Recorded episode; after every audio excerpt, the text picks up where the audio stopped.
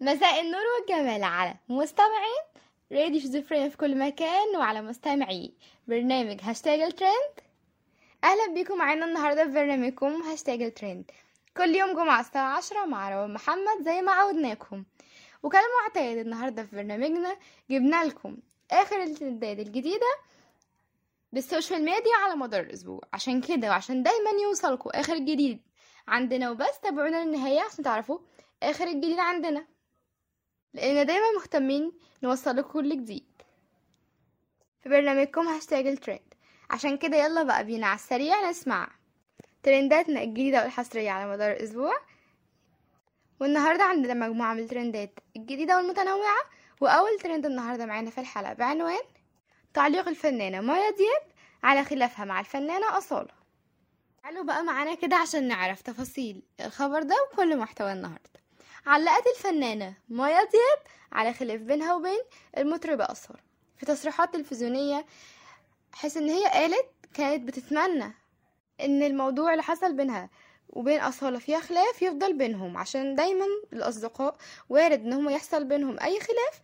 ومش إن هي وصرحت كمان وقالت إن مش إن هي اللي اتكلمت في الموضوع أو مش دايما بيجي عندها تصريحات من عندها ولا أي مرة بتاخد الخبر منها. وقالت إن الخلاف هيفضل بينها وبينها بينها وبين الفنانة أصالة عذرا.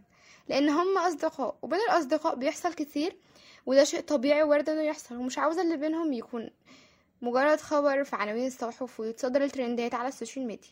وكانت الفنانة مايا دياب كشفت عن انتهاء علاقة الصداقة اللي بينها وبين الفنانة أصالة بسبب بعض الخلافات وبسبب بعض الجدالات بينهم ورفضت الإفصاح عن تفاصيل الخلاف ووضحت مايا دياب خلال أحد اللقاءات التلفزيونية إنها بترفض إنها تكشف عن تفاصيل أي حاجة خاصة بحياتها الشخصية وعلاقاتها على الملأ وإن الأمور دي مش حاجة وارد فيها إن هي تتناقش فيها ودي حاجة خاصة بيها على موقع ما ينفعش إن هي تتناقش بيها على مواقع السوشيال ميديا. وأضافت مايا دياب تجمعني صداقات مع الآخرين في الوسط الفني ومواضيع الشخصية والخاصة. أنا حرة إن أنا أصرح أو لأ. وأضافت كمان إنها تتمنى الخير والنجاح والصحة للفنانة أصالة وكانت مايا دياب كشفت للمرة الأولى عن خلافها مع أصالة نصري في أحد اللقاءات التلفزيونية مع المذيعة بسمة وهبة وأشارت إن هي صديقة مقربة مقربة جدا من الفنانة أصالة ولكن الخلاف وقع بينهم وقالت كمان إن هي مهما حصل مش هت مش هت مش هتحب إن هي تصرح عن أي عن أي تفاصيل عن الخلاف. ولكن جمعت الفنانات الفنانتين دول علاقة صداقة قوية وكانوا بيظهروا في صور كتير مختلفة مع بعضهم البعض على مواقع السوشيال ميديا وكان بينهم ود كبير. تعالوا بقى معانا عشان ننتقل لتاني. ترند النهاردة معانا في الحلقة. خليكم معانا وتابعونا للنهاية. اوعوا تروحوا في أي حتة. وتاني ترند النهاردة معانا بعنوان الفنانة مي نور تتصدر الترند بصورة عائلية مع الفنانة بوسي. تعالوا بقى عشان نعرف أهم محتوى الخبر ده وكل تفاصيله النهاردة معانا في الحلقة. تصدرت الفنانة مي نور الشريف ترند جوجل خلال ساعات وده بسبب إن هي نشرت صور مع الفنانة بوسي اللي هي والدتها وشقيقتها في أحدث ظهور لهم خلال عطلتهم الصيفية واللي كتبت عليها ربنا يديم نعمتكم علينا وربنا يديم نعمة والرحمة لينا. الحمد لله. وخلال الأيام الماضية أحيت الفنانة بوسي أحيت الفنانة مي نور الشريف ذكرى والدها واللي قدم أعمال كتير درامية وتلفزيونية خلدت التاريخ فيها. وعلى جانب آخر تصدرت مي ترند على الفيسبوك بسبب فيديوهات وصور منتشرة لخطيبها السابق الفنان عمرو يوسف بعد ظهوره مع زوجته كندا علوش. وبدأ رواد مواقع السوشيال ميديا يعملوا مقارنة بينها وبينها بين مي نور الشريف والفنانة كندا علوش. وبينشروا صور قديمة جمعت الثنائي ده وقت خطبته تعالوا بقى نروح لتالت ترند النهاردة معانا في الحلقة. بعنوان فتاة المنوفية كيف قتلها حبيبها وكيف عاقب نفسه؟ تعالوا عشان نعرف أهم تفاصيل القصة دي كاملة ونعرف محتواها النهاردة في الحلقة. واللي كان فيها للأسف انضمت فتاة المنوفية أماني عبد الكريم لقائمة الفتيات ال... للأسف قتلها حبيبها. زي فتاة المنصورة نيرة أشرف. وفتاة الشرقية سلمى. ولكن القضية دي اختلفت عن القضية اللي فاتت. حيث إن بعد ما حبيبها ده قتلها قرر إن هو ينتقم من نفسه عشان قتل حبيبته.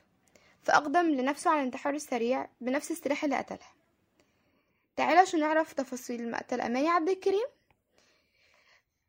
قام القاتل أحمد فتحي اللي هو عنده 30 عام بقتل الطالبة الجامعية أماني اللي عندها 20 سنة ابنة قرية توخ ببركة السبع بدلتا مصر. باستخدام طلقة خرطوش وهي لفظت أنفاسها الأخيرة بعد بعد ما حطوها على جهاز التنفس الصناعي بمستشفى بركة السبع المركزي واللي اتنقل جثة الطالبة دي من مستشفى بركة السبع لمستشفى شبين الكوم عشان يشرحوا الجثة ويعرفوا الأسباب دي بمساعدة الطب الشرعي. ويبين سبب الوفاة.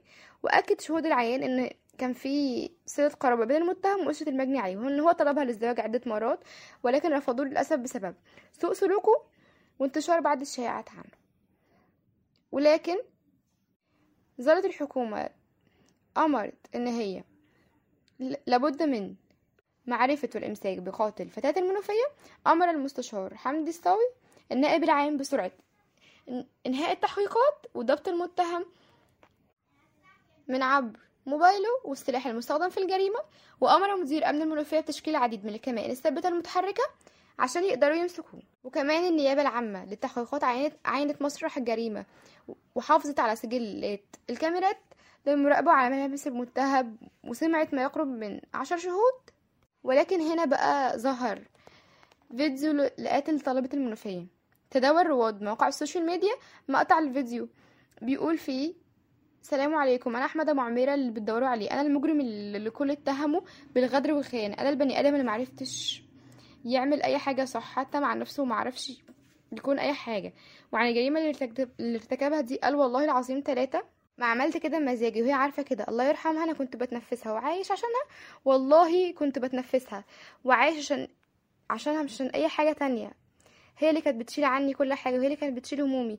ياما زعلنا وياما اتخانق لكن عمري عمرها وعمرها ما حصل ومواصفتني بأي من المواصفات دي. اللي بيقولوها دي وختم وقال أنا موجود ودمي موجود مستعد لاي تحليل للكلام ده بعد ما أخدت حقي منها لأن عمري ما هسامح نفسي. وبعد كده ظهر. يوم الحد 4 سبتمبر شيوع أهلت. القرية بجثمان أماني وطبلوا وطالبوا بالقصاص ولكن لم ينتهي اليوم إلا وقد انتحر القاتل. وقعت وزارة الداخلية في مصر. انتحار المتهم بعد العثور على جثمانه في طريق مصر اسكندرية الزراعي منتحرا بنفس السلاح اللي ارتكب بيه الواقع نطلب من أهلها ربنا يصبرهم وندعي لهم وده. ودي كانت نهاية حلقتنا النهاردة في الحلقة. أتمنى تعجبكم الحلقة وأتمنى ليكم يوم لطيف. تابعونا في الحلقات الجاية لسه في ترندات أكتر مع روان محمد.